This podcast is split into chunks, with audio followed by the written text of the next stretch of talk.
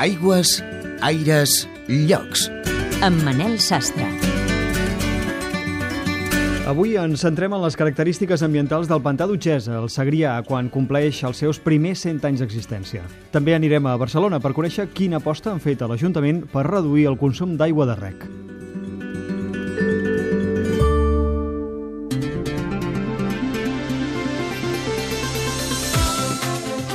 Aquest any en fa 100 que va entrar en funcionament el pantà d'Utgesa, a la comarca del Segrià. La zona, declarada xarxa Natura 2000, té 640 hectàrees i acull 225 espècies d'ocells aquàtics i de secà. L'embassament podria ser navegable a partir de l'any que ve. És un reportatge que ha fet Pere Joan Álvarez amb el muntatge musical de Ramon Dalmau. El pantà d'Utxessa, que pertany al canal de Serós, es va crear el 1914 per una presa situada al municipi de Torres de Segre, que s'estén també pels termes de Sarroca de Lleida i Aitona. És un embassament únic a Catalunya, ja que no es troba a cap riu, sinó al mig del traçat d'un canal. L'espai protegit està envoltat per 14 quilòmetres de camí natural. Fins ara s'han detectat 225 espècies d'ocells. Maria Tos, tècnica de Medi Ambient de Torres de Segre. Podríem parlar d'agro-blanc, per exemple, és, és Bernat Pescaire, potser sona més. L'agro-blanc seria similar de, de, de mida, però és blanc i molt majestuós, també. Després tenim esplugabous, martinets blancs i, i el, la nostra au estrella, podríem dir, que és l'arpella, que tot i que viu, eh, té el seu niu als canyissars i, i nidifica a les zones humides, també pot caçar per la zona, però és un au rapinyaire. El Pla Especial de l'Espai Natural preveu la possibilitat que una part sigui navegable.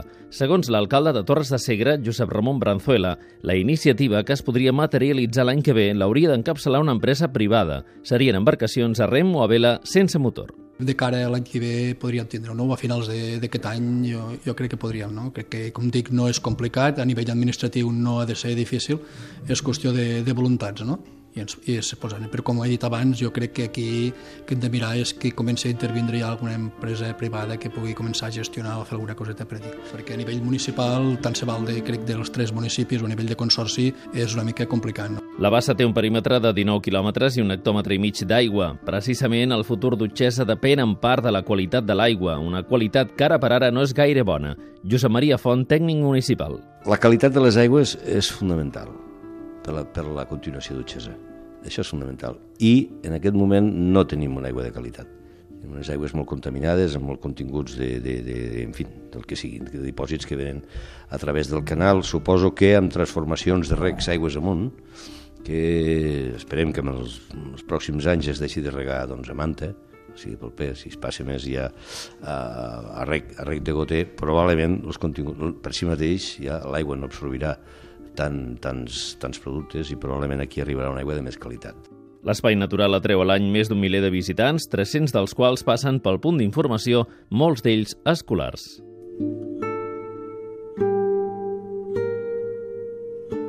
La veu de l'aigua. Hola, sóc en Joan Puigcellers, regidor de Medi Ambient i Serveis Urbans a l'Ajuntament de Barcelona i eh, us vull explicar que la ciutat de Barcelona eh, ha decidit fer una aposta molt important per eh, l'estalvi de l'aigua a l'hora, diguem, de regar els parcs i jardins de la ciutat.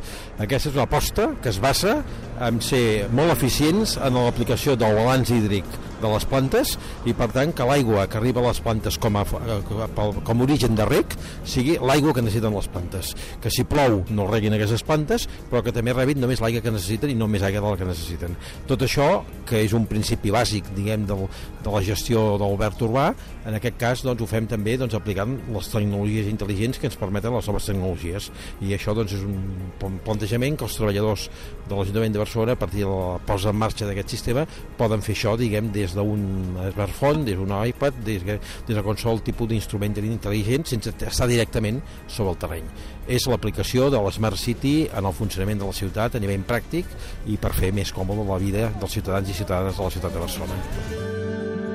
Aigües, aires, llocs.